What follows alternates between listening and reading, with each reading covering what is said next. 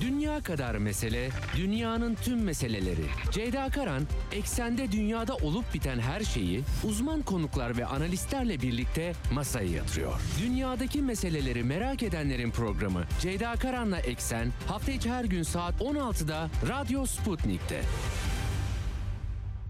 Eksenden merhabalar efendim. Bugün 9 Kasım 2022 günlerden çarşamba dünyadan haberlerle yine karşınızdayız. Yine yüklü bir dünya gündemi var. Donbas cephesinde bir değişiklik yok. Kış savaşına hazırlık, savunma hatları e, kurulmuş vaziyette ne olacak ne bitecek herkes ona bakıyor. Jake Sullivan'ın Amerika Ulusal Güvenlik Danışmanı'nın Kiev ziyareti sonrası aslında giderek verdiği mesaj tam olarak neydi tartışması e, dünya kamuoyunda devam ediyor.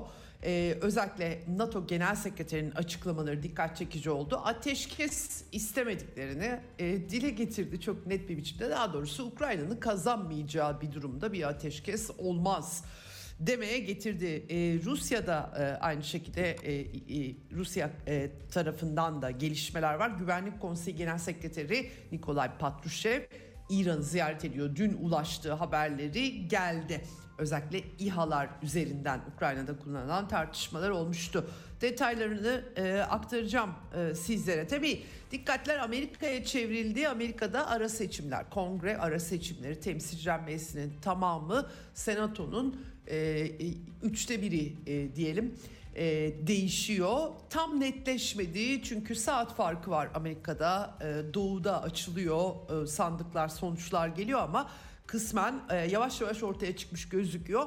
Cumhuriyetçilerin müthiş bir zaferi yokmuş gibi bir manzara var. Şu anda aktarmaya çalışacağım e, ara seçimlerden çıkan sonucu ama temsilciler meclisinde her koşulda çoğunluk kazanacaklar gibi gözüküyor. E, kongredeki denklem, denklemleri nasıl değiştirir herkes bunu konuşuyor. Çin ve Rusya'nın tepkileri var yine e, onları da aktaracağım Avrupa'dan e, başlıklar özellikle grevler var e, Avrupa'da e, Ukrayna e, savaşı nedeniyle krizin yansımaları yaşanıyor. E, Türkiye'de İsveç Başbakanına dün akşam Cumhurbaşkanı'nın ortak basın toplantısıyla açıklamaları oldu. E, NATO üyeliklerinin onayı bağlamında önemliydi. O, basın toplantısından yine notları e, aktaracağım e, sizlere ve aslında enteresan bir biçimde Çin'den Çin e, dikkat çekici e, bir açıklama geldi. Çin Devlet Başkanı Xi Jinping e, Çin'in savaşa hazırlanmaya odaklanacağı vurgusunu yaptı.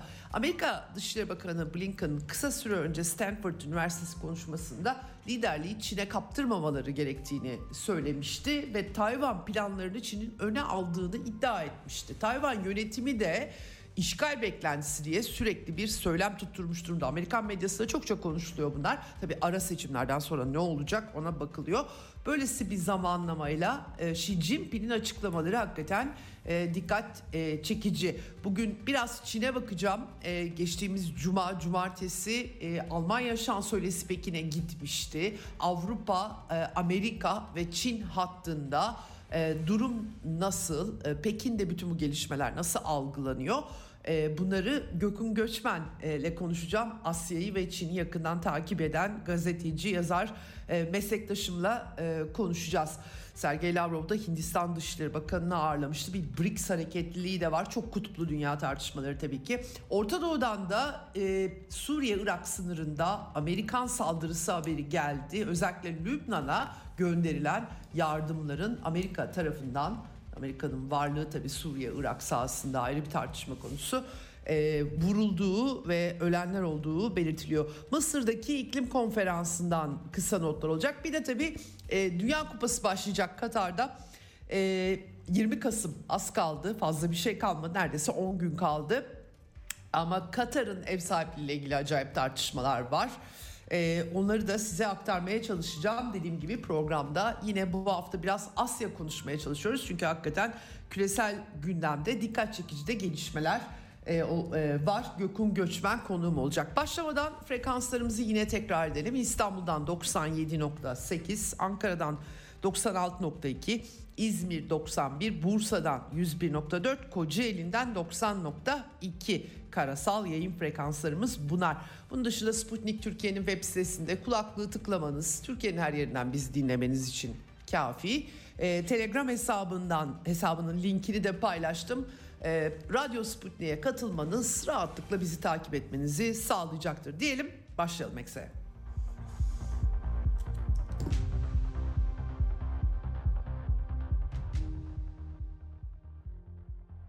De e, çok söylenti var tabii ki. E, Herson bölgesi güney hattı özellikle boşaltılmıştı. Rusya'nın işte ırmağın doğusuna çekileceği tartışmaları Telegram hesap hesaplarından veriliyor ama bir yandan savunma hattını güçlendirmiş gözüküyorlar. Bir kış savaşı hazırlığı var. E, e, buradan nereye evrilecek hep beraber göreceğiz. Sergey Shoigu Rusya Savunma Bakanı Ukrayna'da Birleşik Rus Kuvvet Grubu'nun komuta merkezinde denetimde bulunmuş yeni atanan komutan Sergey Surovikin kendisine rapor sunmuş durumda. Kısmi seferberlik sonrası hatlar e, güçlendirilmiş gözüküyor. Buradan e, kış savaşı yaklaşıyor. Ne olacak herkes onu merak ediyor. Bir de Dimitri Peskov e, Kremlin sözcüsü o da Lugansk'ı ziyaret etmiş. Yakın zamanda referandumlar düzenlenmişti. E, Rusya Federasyonu'na katılım iradesi çıkmıştı açıklama yapmış kendisi. Daha çok gazetecilik basınla ilgili basın sözcüsü e, Dimitri Peskov Kremlin sözcüsü gazetecilik mesleğini yerine getiren, getiren personelle ve profesyonellerle bir teması olmuş. Putin de gider mi acaba diye sorulmuş kendisine. Kesinleşmiş bir plan yok henüz Putin'in e, yeni Rusya'ya katılan bölgeleri ziyareti için diye bir yanıt vermiş. Tabi Rusya liderliğinden dikkat çekici bir başka ziyaret ise İran'a gerçekleştiriliyor. Dün ulaştığı haberleri TASS e, ajansına Rusya'nın düştü. Nikolay Patrushev Tahran'ı ziyaret ediyor. Ulusal İran Ulusal Güvenlik Konseyi'nin e, daveti üzere Başkanı Ali Şamhani İran'da e, hem e, başörtüsü, e, türban protestoları mevzu bahis hem de belli eyaletlerde etnik huzursuzluklar tavan yapmış durumda. Yarın bu meseleye daha yakından bakmaya çalışacağım ama e, Patruşev'in ziyareti dikkat çekici hem askeri teknik konular, güvenlik konuları hem de bir ekonomi heyeti de yanında olduğu belirtiliyor. Son dönemde özellikle İran'ın enerji kaynaklarına Rusya'nın da yatırımları söz konusu e, olmuştu. Bir stratejik ortaklığında derinleşmesi söz konusu var. Tabii İran'ın Rusya'ya bir takım e, İHA'lar, SİHA'lar sağladığı, Ukrayna sahasında bunların kullanıldığı iddiaları ortaya atılmıştı. Ukrayna e, özellikle İran'ı vurun, bombalayın diye batıya çağrı yapmıştı bundan ötürü. Pentagon sözcüsü Patrick Ryder bu konuda açıklama yapmış. Ukrayna'nın elinde bir kanıt olmadığını söylemiş. Çok enteresan. Peki o zaman neden böyle açıklamalar yapıldı? Bundan önce de e, Amerikan medyasında, Batı medyasında İran'ın e, bu silahları Rusya'ya temin ettiği çok katiyet, kati bir biçimde dile getirildi. Yani öyle iddialar ortaya atıldı ki yani kesinlikle aksi düşünülemez tarzı e, tarzında sonuçları varmamak mümkün değildi. Ama e, Patrick Ryder e, bu iddia konusunda herhangi bir kanıtın bulunmadığını söylemiş. Tabii endişelerini dile getirmiş.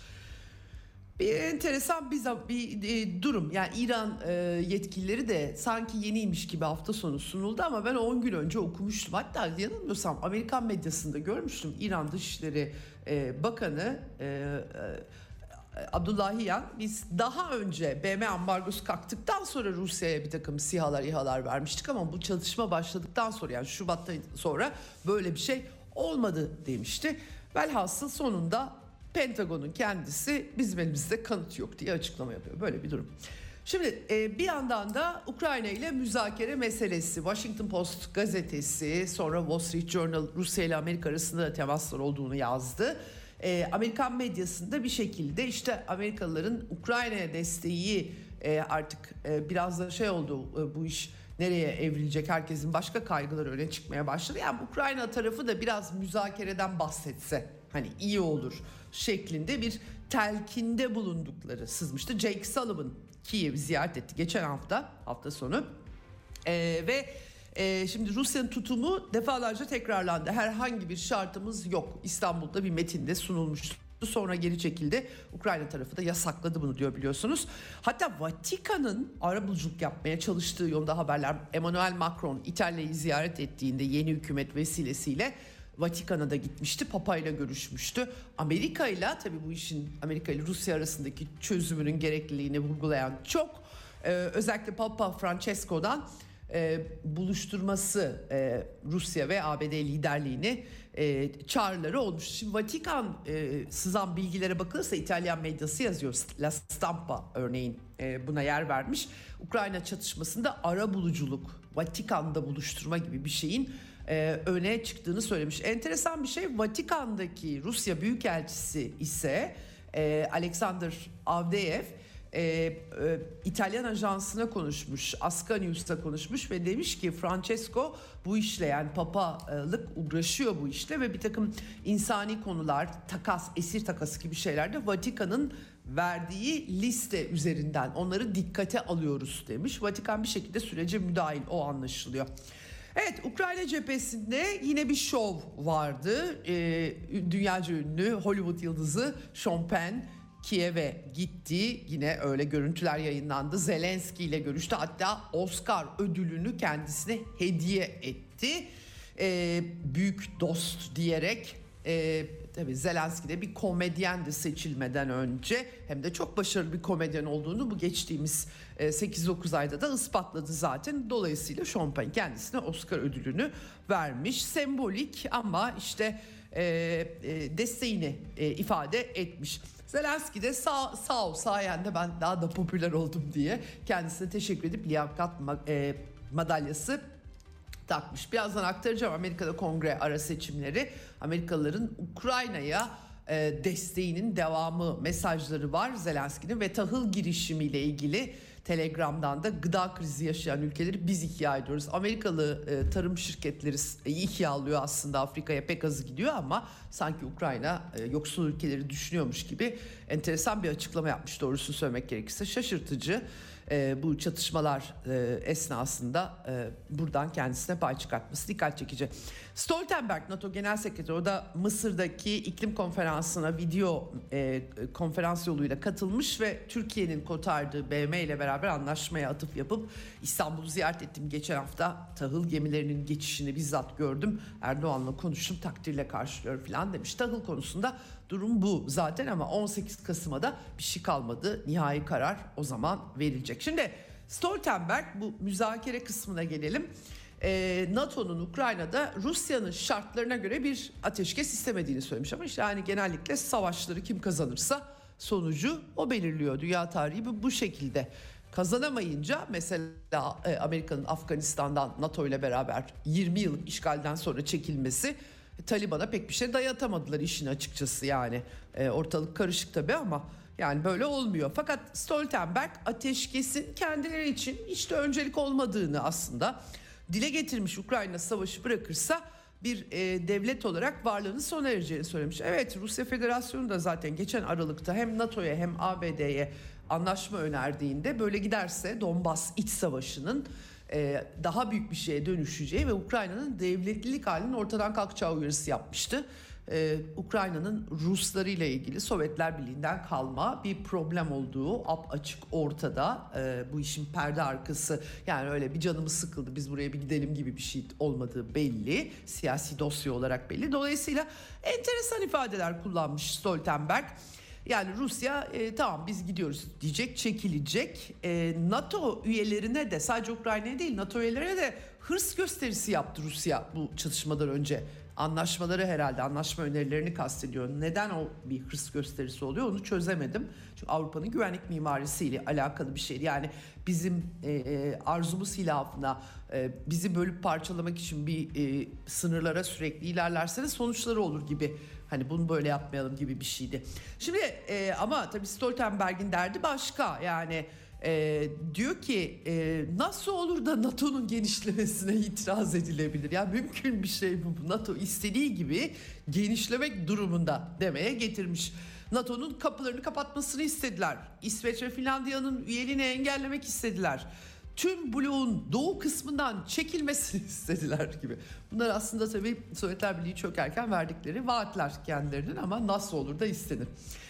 Her şeye rağmen biz savaşı bitirmek istiyoruz filan falan gibi cümleler e, kurmuş. Tehlikeli bir dünya işte savunmaya hakkı var komşularına ne yapıp ne yapmayacağına karar verme e, karar veremez Rusya. Mesela NATO verebilir tabii Amerika verebilir. E, mali sistem, politik baskılar falan ama başkası veremez. Gerçekten enteresan bir e, söylem tabii ki. Şimdi e, Jake Sullivan niye gitti? Ne olacak buradan? Amerika'da e, ara seçimler de bitti artık. Kimileri iddiaya göre e, bunlar arasında Amerikan ordusuyla Pentagon'la da hala yakın bağları olan Douglas McGregor. Eğer Trump yeniden seçilseydi çok etkili bir makamda olacaktı kendisi. Asker olarak da ben e, ilginç buluyorum değerlendirmelerini. Kendisi Jake Sullivan'ın Rusya'yı tehdit etmeye gittiğini söylüyor. Kış savaşı başlatırsanız 40 bin Amerikan askeri, 30 bin Polonya askeri, 20 bin Romanya birliğiyle e, çıkarız ortaya dediğini iddia ediyor. Böyle bir iddiası var. E, hatta ve hatta Cumhuriyetçi Kongre eğer e, ara seçimlerde netleşecek 3 aşağı 5 yukarı temsilciler meclisinde çoğunluğu elde edecekler gibi gözüküyor. Ocak'ta ama başlayacaklar. Hala vakit var. E, dolayısıyla bir tehdit salladığını söylüyor ve e, ayrıca e, tabii ki birazdan Gökhan Göçmen'le de konuşacağız. Tayvan üzerinden de Cumhuriyetçilerin bu krizleri ısıtması riskine dikkat çekiyorlar. Hakikaten e, Amerikan ordusu burada aklı selim hani siyasetçiler tümden kafayı üşüttüler de Hani ordu kanadı acaba şey durabilir mi? Sağlam durabilir mi? Herkesin merakı bu konuda. Tabii Avrupa'daki varlık da Amerika'nın e, güçlendirmesine yaradığı nükleer silahlar dahil olmak üzere e, ben aktarmıştım size Wiesbaden'de e, Almanya'da da yeni bir karargah kuruyorlar. Ukrayna ordusunu aslında buradan komuta ediyorlar. Yani ortada bir Ukro NATO ordusu olduğunu söylemek çok mümkün. Şimdi e, bu arada Stoltenberg bu değerlendirmeleri yaptı. E, Amerikan medyasının New York Times gazetesine yansımış olan yeni NATO Genel Sekreteri bir yıl uzattılar Stoltenberg'in görevini 2023 sonuna kadar ama sonrası ne olacak o belli değil. O durum ortam belirsiz. Bir de e, yerine de e, enteresan bir ismin Kanada Başbakan Yardımcısı ve Maliye Bakanı Chrystia Freeland'ın adı geçiyor. Biraz e, enteresan bir isim tabii. NATO'nun çok derdi değil böyle şeyler aslında ama anne tarafından dedesi 2. Dünya Savaşı'nda Nazilerle işbirliği yapan Michael Chomiak. Yani onun torunu. Üstelik e, bir e, Nazilerin finanse ettiği Kra Krakivski Visti gazetesi. E, Ukrayna'nın neo-Nazilerin daha doğrusu gazetesi aslında bunun editörlüğünü yürütmüş. Yahudi karşıtı e, hatta damadı Kanadalı tarihçi John Paul Himka da bunu belirtiyor ama e, işte Stoltenberg'in koltuğuna e, adı geçen kadın e, Kanada'nın başbakan yardımcısı Freeland pek derdi yok bunun bu sorunla gurur duyuyormuş benim Ukraynam diye de makaleleri var 2015 yılından kalma. E, tabii biraz şey 2. Dünya Savaşı Sovyetler Birliği e, nefretiyle dolmuş e, kuşaklar bunlar aslında. E, batıya geçenler e, bunlar arasında tabii banderistler de vardı. Ukrayna'dan Nazilerle hareket etmiş Amerikan yönetiminin kucak açması ve CIA üzerinden onları daha sonra kullanması Soğuk Savaş'ta söz konusu olmuştu. Bir de tabii kadın genel e, sekreter NATO'ya hani zamanın ruhu kadın getirince bütün sorunlar çözülüyor biliyorsunuz. Ee, ırkçı Estonya Başbakanı Kaja Kallas e, alenen bütün Ruslar sorumlu falan gibi cümleler kurmuştu. Topyekün e, bir e, illiyetten gelen insanları cezalandırma gerektiğini falan söyleyebilen bir isim Estonya Başbakanı. O da kadın. Slovakya Cumhurbaşkanı Zuzana Kaputova ve ya da Hırvatistan Washington Büyükelçisi varmış aynı şekilde. Ama yani çok zaman var Stoltenberg'i bir daha uzatabiliriz gibi şeyler de söylüyorlarmış. Ukrayna destekçiliği belli olacak yani NATO Genel Sekreterliği için. E, New York Times'ta e, bu arada bunu işlemiş ama tabii New York Times bu Chrystia Kanada Başbakan Yardımcısının e, anne tarafından Nazi olmasına dokunmamış pek. Oralara girmemiş çok. Evet istediklerini yazıyorlar maalesef böyle bir durum var. Amerika'da ara seçimler efendim henüz kesinleşmiş değil. Saat farkı var Amerika'da 4 saat yanılmıyorsam doğusundan batısına. Temsilciler Meclisi'nde Cumhuriyetçiler çoğunluğu kazanmış gibi duruyorlar ama istedikleri kadar 225 sandalyeyi hedefliyorlardı. Kontrol için 218 yetiyor. 435 sandalye için seçim yapılıyor. Senatoda zaten bir 50-50 durumu var bu bozulacak mı ona bakılıyordu. Ee, orada da 17 cumhuriyetçiler onu demokratlar diye ilk gelen bilgiler var. Ee, tam netleşmiş değil ama birkaç notu size aktar, aktarmak istiyorum netleşen. Nancy Pelosi yeniden Kaliforniya'da seçildi kendi seçim bölgesinde ama tabii çoğunluk kaybedilirse temsiler meclisinde yerine Cumhuriyetçi çoğunluk lideri Kevin McCarthy alacak. Nancy Pelosi temsilciler meclisi başkanı olmayacak çok tartışmalı bir isim olmuştu. Eşi üzerinden son dönemde. Ee, Cumhuriyetçiler beklenen fırtınayı yaratamamış gibi şu an için henüz tam kesin sonuçlar yok. Parça parça sonuçlar var ama e, Kevin McCarthy Cumhuriyetçi çoğunluk lideri e, meclisi geri alacağız diyor e, çoğunlukta olacağız diyor kararlılar. Alexandria Ocasio-Cortez demokratların tırnak içerisinde ilerlemeci kanadı e, çok Amerika ile ilgili ilerlemeci gözükebilir. Dünya konusunda Savaş Partisi'nin peşinden koştuğu için e, üniversite öğrencilerinin hışmını çekmişti. Üzerine New York'ta kazandı kendisi. Yine Marjorie Taylor Greene e, bu da Amerika'nın e, Cumhuriyetçi sağcı cephesinden bir isim. O da kazanmış Georgia eyaletinden muhafazakar eyalet.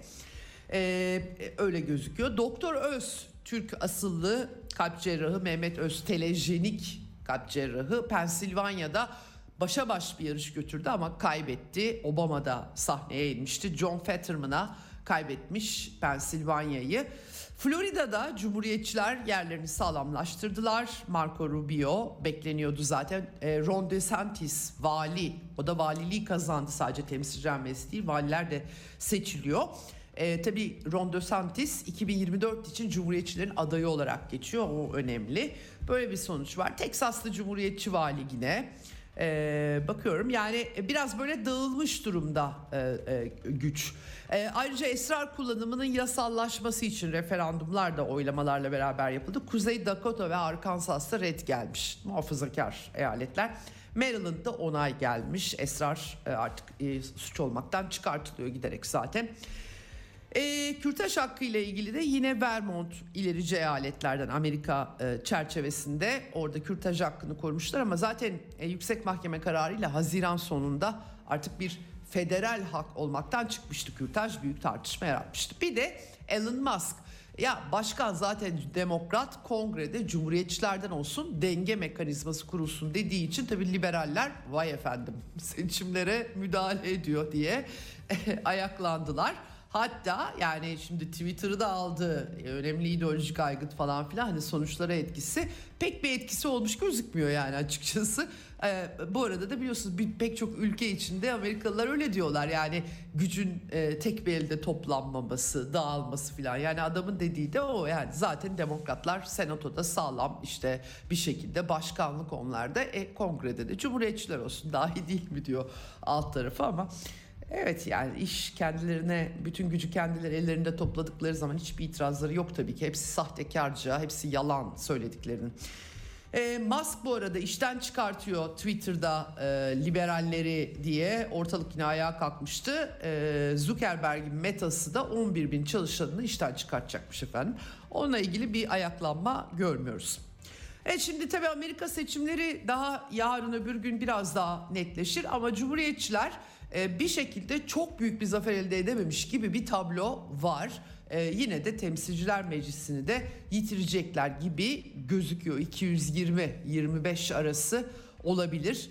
Ee, demokratlar daha ağır bir yenilgi alabilirlerdi. Çin efendim Çin dışişlerine sormuşlar Amerika ara seçimlerini. Çinli dışişleri sözcüsü yorum yok. Bizi ilgilendirmiyor Amerika'nın kendi seçim Amerikalılar seçimlerini yapıyorlar demiş de Batı dünyası öyle değil biliyorsunuz. Herkesin seçimleriyle ilgileniyorlar onlar. E, Peskov da açıklama yapmış. Hiçbir şekilde kongre seçimleri Rusya-Amerika ilişkilerini değiştirmez demiş. Önemli değişikliğe yol açmaz. Analiz edeceğiz biz bilgileri demiş. Yani ee, Rusya'nın müdahalesi iddiaları ile ilgili de alıştık zaten o suçlamalara. Fark etmiyoruz bile neyi neyi diye suçlamışlar filan diye bir yanıt vermiş.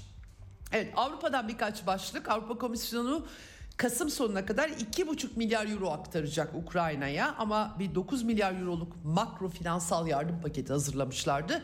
Üçüncü son 3 milyar euroluk son dilimi veremeyeceklermiş. E, paraları kalmadığından mı tam anlayamadım. Macaristan özellikle Avrupa içerisinde bu kadar çok e, kara deliğe para gömülmesine itiraz ediyor. Ee, herhalde Avrupalılar da neyse içimizden birileri çıktı da itiraz ediyor mu diyorlar bilmiyorum artık.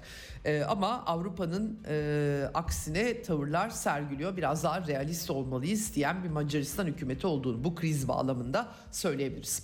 Avrupa'da Britanya'da Sunak hükümeti Rishi Sunak e, ilk defa Hindistan asıllı biri başbakanı olmuştu. Liz Truss'tan sonra e, bir bakanı e, savunma bakanlığı da yapmıştı Gavin Williamson. E, zorbalık iddiaları ortaya atılmış hakkında kraliçenin cenaze törenine katılmasına davet mi etmemişler ne olmuş? Artık hakaret mesajları yolladı diye istifa etmiş yıpratmamak için. Yalan diyor ama.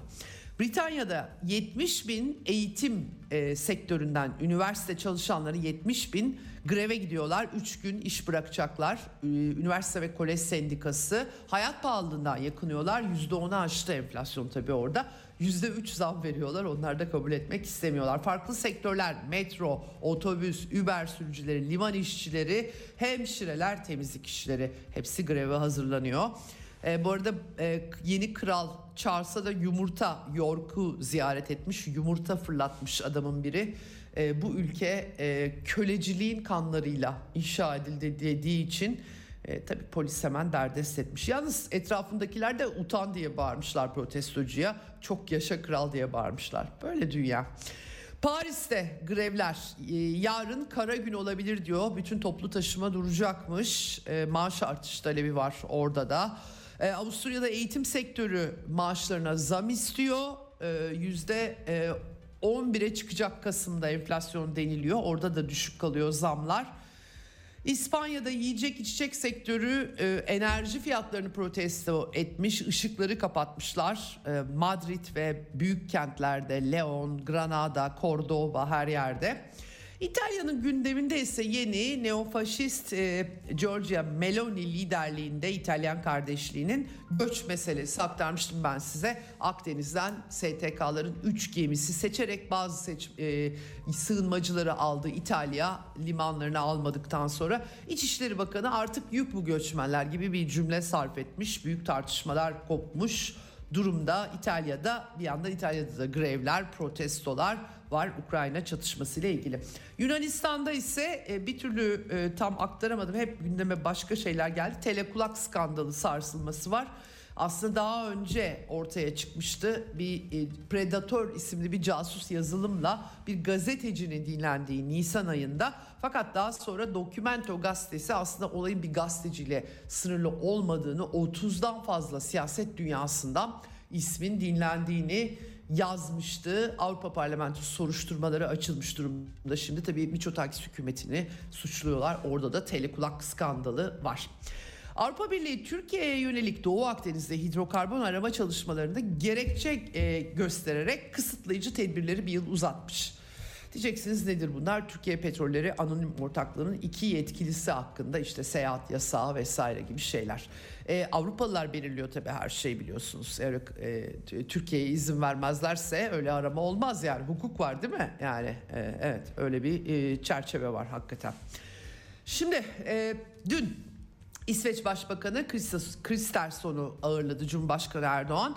Ee, çok mesajlar verildi. Ne kadar iyi ilişkiler olduğu, hediyeler alındı verildi. Ee, Cumhurbaşkanı Erdoğan'ın mesajlarını ben hepsini bir okudum.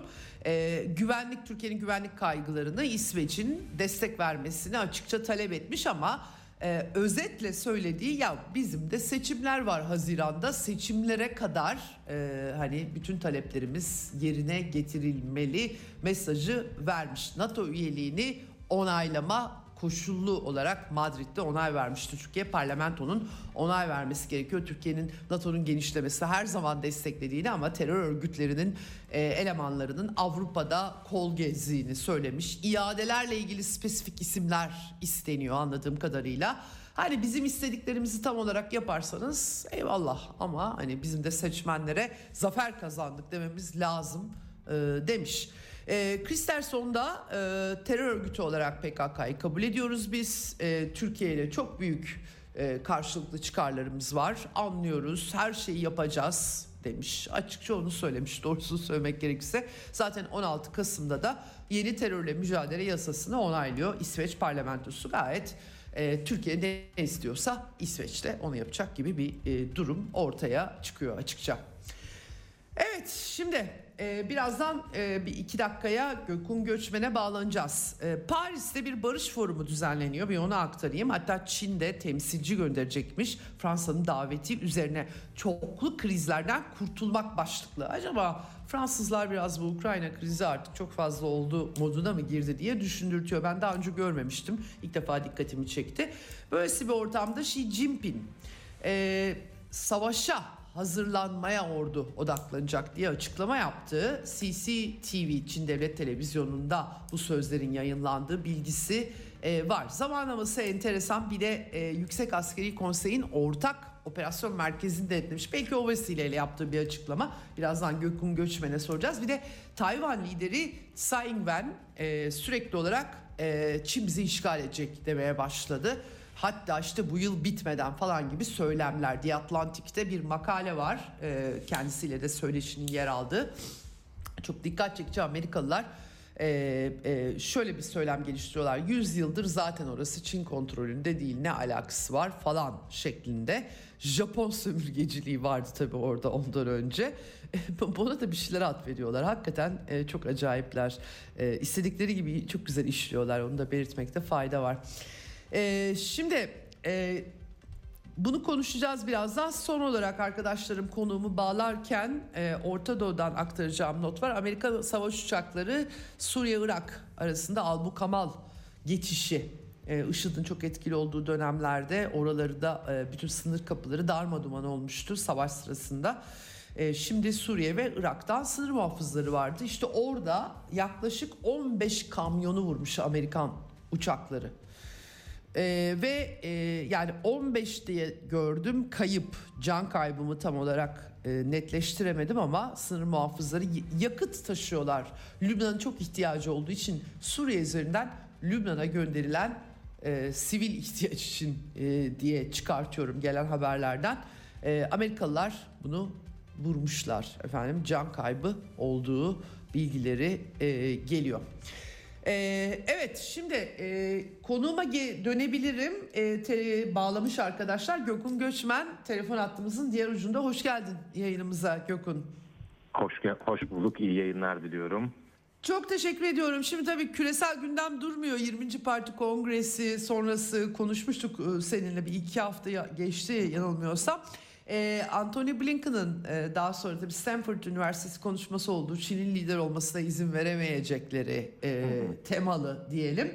E, ama o konuşmada e, Çin yönetiminin barışçı birleşmesini farklı bir biçimde algıladıklarını yansıtmıştı ve e, öne aldı planları bir askeri harekat planını. E, tabii Amerikalılar bunu işgal olarak koyuyorlar.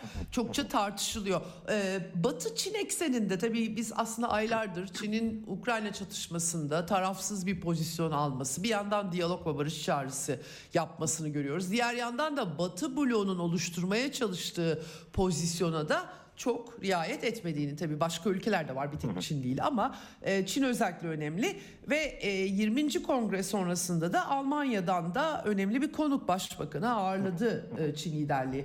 E, bütün bunlardan sonra dün bir ha- e, haber düştü galiba e, askeri tesisi ziyareti sırasında yapmış anladığım kadarıyla. E, orduyu savaşa hazırlamak diye. Bu böyle tabii kulağa çok tırmalıyor bu gelişmeler düşünüldüğü zaman. Ee, bir bağlamını yerlerine oturtabilir misin öncelikle? Sen yakından takip ediyorsun Çin tarafını. Neden nereden böyle bir çıkış e, gerekli olmuş? Öncelikle onu sorarak başlayalım. Şimdi bu e, tabii biz Türkçe'ye tam olarak çevrilmiş haliyle konuşuyoruz ama konuşmanın bağlamında şöyle söylüyor Jinping. Yani ordunun kapasitesini savaş durumuna getirmek anlamında. Bunu CKP'nin 20. Ulusal Kongresi'nde de söyledi. Orduyu modernize etmekten, işte Çin modernleşmesinin garantisinin e, orduyu güçlendirmekten geçtiğini ve savaşa hazırlanmasından e, bahsetti. Fakat yani e, özel ve spesifik bir noktayı işaret ederek yarın savaş var bu savaşa hazırlanın e, gibi değil bir noktayı işaret eder gibi değil. Ancak ordunun kapasitesinin e, savaş yapabilecek derecede olması hatta sahada da e, kendisini güçlendirmesinden e, bahsediyor Xi Jinping tatbikatlar vesaire e, bu anlamda dikkate alınabilir. E, e, tabii şimdi e, biraz da genel çerçeve içerisinde düşünmek lazım. Şimdi Çin bunu spesifik özel bir e, olay bağlamında söylemiyor. Ancak e, sürekli olarak Çin medyasında ya da Çinli liderlerin konuşmalarında küresel sistemde uluslararası ilişkilerin 100 yılda bir e, içine girdiği bir e, belirsizlikten bahsediliyor. E, bu belirsizlikle birlikte hatta Xi Jinping de Çin Komünist Partisi'nin 20. Ulusal Kongresi'nde işte fırtınalara hazırlıklı olun, dalgalı sulara hazırlıklı olun e, ifadesini e, kullandı. E, ki bu aslında Xi Jinping'in e, uluslararası ilişkilere bakarak e, getirdiği tek çözümleme değil. Yani sadece Xi Jinping bu çözümlemeyi getirmiyor. Benzer şekilde Putin de geçtiğimiz günlerde e, Valdey konferansında konuşmuştu. Uluslar hukuk, uluslararası hukukun yerini e, anlaşılmaz biçimde icat edilen kuralların aldığını söylemişti. E, tek kural var e, diyor Putin'de işte e, güce sahip olanın dayattığı kuralsızlık, kanlı, tehlikeli ve kirli bir oyun önümüzde diyor. Çok tehlikeli ve belirsiz bir 10 yıl var. Tıpkı Evet. Xi Jinping gibi bir nokta işaret ediyor. E, şimdi büyük güç rekabetine bakalım Amerika Birleşik Devletleri ne diyor? Onlar da yani Biden'da her şeyi belirleyecek bir 10 yıldan bahsediyor. E, ki bunu da zaten e, ulusal e, güvenlik belgesine de geçirmiş durumdalar. Şimdi gelinen noktada elbette uluslararası ilişkiler belirsiz ve bu belirsizlik giderek e, silahın hakim olduğu senaryoları beraberinde getiriyor. E, özellikle Çin'den bahsediyoruz. Çin bağlamında biraz Asya'ya bakalım. E, geçtiğimiz yıl tesis edilen AUKUS, Amerika Birleşik Devletleri, Birleşik Krallık e, ve Avustralya neyi öngörüyor? E, temelinde özel olarak Avustralya'ya nükleer denizaltılar verilmesini e, öngörüyor. Giderek militarize olmuş paklar karşımıza çıkmaya başladı bizim Asya Pasifik bölgesinde. E, Biden diğer taraftan Kuad'ı e, bir şekilde militarize etmeye çalışıyor. İçerisinde Hindistan'da var, Japonya'da var. E, Japonya demişken e, önümüzdeki ay Birleşik Krallık ve Japonya Asya Pasifik'te e, yeni bir işbirliği, askeri işbirliği anlaşmasına imza atacaklar. E, anlaşmanın temel amacı da Hint Pasifik bölgesinde Amerika ile işbirliğini güçlendirmek. Yani e, AUKUS'un Japonya'yı içine almış versiyonu olarak düşünmek Evet. mümkün. E tabi bu bu kadar militarizasyon e, beraberinde de bir güç ikilemini getiriyor. Yani o nedir? Tarafların birbirine bakarak silahlandığı ve savaşa hazır olduğu bir e, senaryo. E, tabii ki bu kadar e, askeri paktlar boşuna da kurulmuyor. Özellikle Tayvan bağlamında e, düşünelim bunu. Çin e, gerektiği takdirde zor kullanacağını, tercihinin barışçıl birleşmeden yana olduğunu ancak gerektiğinde de zor kullanabileceğinin e, altını çiziyor. Bu anlamda da Tayvan'daki tatbikatları da hesaba katarsak işte Güney Çin Denizi'nde ya da Asya Pasifik'teki tüm e, gelişmeleri hesaba katarsak Xi Jinping'in e, verdiği, orduya verdiği direktifin de bağlamı anlaşılabilir diye düşünüyorum. Evet buna bir de tabii Amerika'nın açtığı ekonomik savaş cephesi e, bu Tabii. açıkça böyle diyebiliriz herhalde değil mi? Çünkü hassas yarı iletkenler e, tabii, tabii, Tayvan kesinlikle. evet, evet. Şimdi biz e, Xi Jinping askeri üniformayı giydi kamuflajlarıyla bu mesajı verdi ama e, ÇKP kongresinde güvenliği çok e, boyutlu olarak ele aldı. Şimdi siz de bahsettiniz e, ticaret savaşları işte çip e, e, ihraç edilmesini engellemeye çalışıyor. Giderek artan bir kuşatma e, siyasetinden söz ediyoruz. Çin de aslında ekonomide de güvenliğini sağlamak için yepyeni bir yol haritası çiziyor. E, esasen iç pazarı merkeze alan e, ama bir şekilde de işte reform ve dışa açılma sürecini ilerleten bir ikili dolaşım modeli. Bu da aslında ekonominin güvenliği. Güvenliğin güvenliğini de almaya çalışıyor ordunun modernizasyonuyla. Sağlığın güvenliğini almaya çalışıyor. Yani çok katmanlı e, bir güvenlik denkleminden bahsediyoruz. E, Toplamda da aslında 3 liderde yani Xi Jinping sadece Xi Jinping değil Putin ve Biden da e, benzer bir 10 yıl belirsizliklerle dolu 10 yıl vurgusu yapıyor. Bu belirsizlik beraberinde yine tekrarlayalım e, silahlı bir takım senaryoları özellikle ittifaklar, cepheleşmeler, bloklaşmalar hesabı katarsak mümkün e, gösteriyor bize. Evet e, bir de Tayvan ayağında da böyle çok acayip bir e, yani birbirini gazlayan şeyler mi bunu e, tam olarak ben Tayvan'ı da e, izleyemiyorum açıkçası belki benden daha iyi takip ettiğini düşünüyorum. e, Tayvan liderliği Amerikan medyasında da çokça e, en son The Atlantic'te e, Tayvan liderinin e, e, e, söyleşisi e, dahil olmak üzere bir makale de vardı. E, yani sanki böyle hani bir anda bir şey çıkacakmış. Her an her an eli kulağında hani aslında Ukrayna çalışmasından önce de Rusya teklifler yaparken Amerika'ya ve NATO'ya benzer söylemler gündeme gelmişti. Sanki öyle bir koku varmış gibi çok acayip. Tayvan böyle her an işgal beklentisi içerisinde ve bu bu, bu e, durumu e, e, peki nasıl karşılıyor ya da oradan nasıl okunuyor? Sürekli böyle söylemlerin gündemde tutulması Tayvan'ın işte ne bileyim e, geçen e, hatta bir, ben paylaşmıştım Twitter'dan da e, sokaklara dev billboardlar koyuyorlar. E, Tayvan Belediye Başkanı mı o bilmiyorum. Zelenski kılığında. Evet, E, onun evet, da evet, görüntüleri falan var. Böyle acayip bir şey çıktı ortaya. E, ne dersin? Nasıl? Şu, şuradan şuradan aslında senaryoyu şuradan e, anlamak mümkün. Bu e, Madrid'deki NATO toplantısına dört Asya ülkesi de e, çağrılmıştı. Japonya, Güney Kore. E, Japonya orada şu açıklamada bulunmuş. Yani Ukrayna'nın yarın öbür gün e, Asya'da olmayacağı ne malum diye bir açıklamada bulunmuştu. Japonya'dan ardı ardına daha sonra Tayvan açıklamaları da gelmeye başladı. Ee, benzer bir şekilde provokasyon kışkırtmayı planlıyor olabilirler. İşte tamamen bu e, aslında Rusya'nın Ukrayna harekatına başlamadan e, önceki gündeme getirdiği güvenliğin bölünemezliği ilkesini de e, hatırlat, hatırlatıyor bizlere. E, bütün ülkelerin burnunun dibinde e, bir şekilde orada bir silahlı kuvvet e, yaratmak ve tehdit edilmek, kuşatılmak isteniyor bu ülkeler ve e, Tayvan'ın statüsü Ukrayna'dan da farklı tarihsel olarak e. Çin'e ait. Amerika'da tek Çin ilkesini kabul ediyor.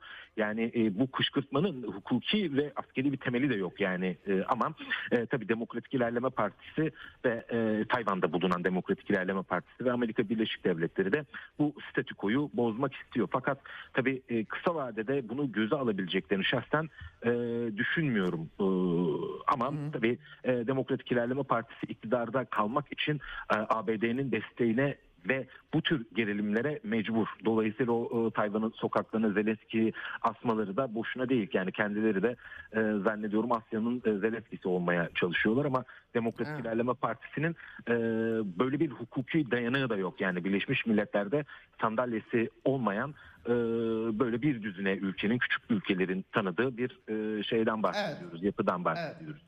Ee, peki bir de e, burada şey de var tabii e, bu Tayvan meselesi Zelenski meselesi söz konusu olduğu zaman e, Scholz'a geçmeden onu da sorayım istiyorum. E, Ukrayna benzetmesi falan bir tarafa e, Pelosi e, temsilciler meclisi başkanı olarak Ağustos'ta gitmişti. Şimdi tabii seçimler var Amerika'da. Daha netleşmedi aslında ama Cumhuriyetçiler bir şekilde temsilciler meclisinde kontrol alacakmış gibi bir en azından şu an için bir resim var. Cumhuriyetçiler de Çin'e karşı yani nasıl diyeyim demokratların takıntısı Rusya ise Cumhuriyetçilerin takıntısı da Çin Amerika'da biraz böyle bir resim oluyor. Tabii ki bu kadar basit değil çok kabaca ifade ettim ama e, yani Mike Pompeo'dan biliyoruz özellikle Çin Komünist Partisi'nin çok hedef aldıklarını vesaire. Biden da şimdi onu biraz devam ettiriyor ekonomi savaşıyla. E, ara seçimlerin e, Çin'de algılanışı bir beklenti itibariyle sonuçları belli olmamakla beraber e, bir de onu sorayım kısaca. Yani şöyle söyleyebiliriz. Çin medyasında şu anda ABD ara seçimlerine dair ben böyle detaylı bir makaleye ya da bunun Çin politikasını nasıl etkileyeceğine dair bir şey görmedim. Fakat Asya'da takip ediliyor. Özellikle e, Japonya'da e, Nikkei Asia sitesi e, dünyanın en büyük ekonomi e, gazetesidir bu arada ve detaylı kapsamlı Çin'e dair de kapsamlı incelemeleriyle meşhurdur. E, onlar bir makale yayımladılar. Yani ara seçimler ABD'nin Asya politikasını nasıl etkileyecek diye. Şimdi tabii geleneksel olarak Cumhuriyetçilerin daha fazla Çin takıntılı olduğu, demokratların da e, biraz daha Rusya'ya e, böyle ağırlık merkezin Rusya'ya doğru, Rusya düşmanlığına doğru kaydırdığı söylenir. Doğrudur da ama e, son yıllarda e, Cumhuriyetçiler ve demokratlar arasındaki temel yarış kim Çin'e daha fazla düşmanlık edecek yarışı haline dönmüş durumda ve her seçimde birbirlerini Çin taraftarı olmakla e, suçluyorlar. Ama ulusal güvenlik e, stratejisi bağlamında bir partiler üstü, Çin'e karşı bir partiler üstü mutabakat e, sağlanmış durumda. E, Demokratlar daha çok Çin'e karşı mücadelede e, insan hakları ya da işte demokratik değer siyasetini ve ittifakları ön plana çıkartırken Cumhuriyetçiler e, daha da e, diyelim ki ülkenin yönetimini hedef alan örneğin Pompeo'dan bahsettik. Pompeo doğrudan Çin Komünist Partisi'ni e, hedef alıp onu e, yıkmak isterken demokratlar daha ittifaklar ve kuşatma e, siyasetine doğru evriliyor. Ama günün sonunda günün sonunda Çin düşmanlığı partiler üstü bir uzlaşı haline geldi. Şimdi Cumhuriyetçilerin e, bu Nikkei Asia sitesinde yayınlanan makalede analizde şundan bahsediliyor. Demokratlar evet görece de olsa Çin'le kimi konularda işbirliği yapmak istiyor. Örneğin iklim değişikliği konusunda e, Cumhuriyetçilerin ağırlık kazanması halinde iklim değişikliği dahi iklim değişikliği gibi yakıcı konularda dahi işbirliği sekteye uğrayabilir e, tahlilinde e, bulunuluyor. Hı hı, e, ki bu bu bu bu doğru olabilir. E, askıya almak isteyecektir Cumhuriyetçiler. Çünkü e, seçimleri iki yıl kala tüm taraflar e, Çin'e en e, şahin kim davranacak, kim yaklaşacak bunun e, yarışına gireceklerdir. Girecekler. Evet. Tabii. Peki son olarak bir de e, Scholz'u sorayım. Aslında geçtiğimiz Hı-hı. hafta sonu Cuma Cumartesi yanılmıyorsam ziyareti. Ee, o orada yani biraz çok şey bir pandemi tartışıldı, testler tartışıldı Hı-hı. Alman heyetine vesaire. Hı-hı. Airbus alımı daha önce yapılmış anlaşmanın e, açıklanması, duyurulması daha doğrusu. BioNTech falan derken aslında ne oldu? Yani, yani biraz... tam olarak ne çıktı olsun Çin ziyareti? Gerçekten Almanya ile Çin arasındaki ekonomik bağın sürdürülmesi iradesi mi? Almanya'da da çok tartışma evet. var çünkü. Tam Şimdi yayın... nasıl değerlendirmek? Evet e, açıklama yani ziyaret sonrasındaki açıklama şöyle işbirliğinin daha ağır bastığı görülüyor. Bu aslında hmm. e, hakikaten hmm. denklem değiştirici bir cümleydi. Biraz e, şundan bahsedelim istiyorum. Öncesi ve sonrasını anlatalım istiyorum. Aslında Scholz'un ziyareti neden önemli? Hep bahsettik şimdi Cumhuriyetçiler, Demokratlar arı seçimlerden sonra tablo nasıl netleşecek? Şurası kesin Amerika Birleşik Devletleri Çin'i kuşatmak, Çin'le köprülerin atılmasını isterken yani Demokratlar ve Cumhuriyetçiler de bu konuda mutabık. E, Scholz kalktı e, iş insanları ile birlikte e, geniş bir heyetle birlikte e, Çin'in ÇKP'nin 20. Ulusal Kongresi'nden sonra hem de Beijing'e iniş yaptı. Orada Cumhurbaşkanı Xi Jinping'le buluştu. Üstelik yanına Fransa lideri Macron daha önce e, Beijing'e birlikte gitme ve ortak Avrupa'nın mesajını verme teklifinde bulunmuştu. Scholz onu da reddetti. Bu anlamda da aslında Almanya'nın ulusal çıkarlarını öncelediği gözüküyor. E, şimdi birazcık içeriye bakacak olursak da e, Almanya tabii e, Merkel dönemi gibi değil parçalı bir yapıdan bahsetmek mümkün. Hı hı. orada da Yeşiller Atlantikçi Kanada daha yakın yani iki Almanya'dan bahsetmek mümkün. Evet. Bir tarafta Çin ile işbirliği yapmak isteyen Almanya, diğer tarafta Atlantik çizgisinde Bayerbog'un temsil ettiği, Yeşillerin temsil ettiği Almanya. Bu ona da bir yanıtı. Çünkü öncesinde Hamburg limanındaki hisse satışları vesilesiyle de bir Çin tartışması yaşanmıştı. dolayısıyla bu ziyaret bu bağlamda çok önemli. Ee, Scholz'un bir de makalesi vardı. Politico dergisine yazdım. Aynı evet. zamanda Frankfurter Allgemeine Zeitung'da da yayınlandı. Ee, şunlardan bahsediyor özellikle. Evet Çin e, değiştikçe bizim de ona bakış açımız ve ilişkimiz değişecek. Buna karşın kırmızı çizgilerini sayıyor Almanya. Soğuk savaşı yaşayan bir ülkeyiz biz Almanya ve bunun acısını en çok çeken ülkeyiz. Bölünmüş bir ülkeyiz. Dolayısıyla biz bu tür kutuplaşmalara karşıyız. Çin'den ayrılmak istemiyoruz ve ilişkilerimizi üçüncü bir taraf belirlesin istemiyoruz. Çin e, ve Almanya arasındaki tüm sorunlara rağmen çünkü şunu söylüyorlar Çin değişiyor Almanya da değişecek ona göre tavır alacak. Ancak her şeye rağmen e, iletişimi ve ilişkiyi üçüncü tarafların şekillendirmesine izin verilmeyeceği, bunun bir soğuk savaşa taşınmayacağı garantisi çok çok önemli. Sadece Çin-Almanya açısından değil, uluslararası siyaset açısından da. Evet. Ee, bakalım Scholz e, bu tutumunu ısrarla devam ettirebilecek mi hakikaten? E, çünkü bazı Almanya CEO'larının da gitmediği yani Alman e, e, e, de, yani devletinin birliği de biraz yani parçalı yapıyı belki vurgulamak için söylüyorum bunu. Bir kısım e, aslında belki siyasetin dışında e, Alman sermayesinin de bir parçalı yapısı olduğu anlaşılıyor ama dediğin gibi önümüzdeki süreçte ee, daha da göreceğiz bakalım Scholz bu politikasında sağlam durabilecek evet. mi Almanya kilit ülke çünkü. Çok teşekkür evet. ediyorum Gökhan Göç, Göçmen ben, değerlendirme için. Ben çok teşekkür ediyorum. İyi yayınlar. Sağ ol. Evet e, hakikaten iyi, iyi bir Asya ufku oldu burada. Hem yerli yerine Çin'den gelen açıklamaları o jeopolitik resmi oturtmaya çalıştık e, hem Amerika'sıyla hem e, Çin'iyle hem Almanya'sıyla bu anlamda dünyanın gittiği e, nasıl bir belaya belki gittiğimizi anlamak bakımından e, ufuk açıcıydı e, diyebilirim benim açımdan. Çok teşekkür ediyorum Gökün Göçmen'e tekrardan. E, bu kadar Eksen'den. Yarın görüşmek üzere. Hoşçakalın. Ceyda Karan'la Eksen sona erdi.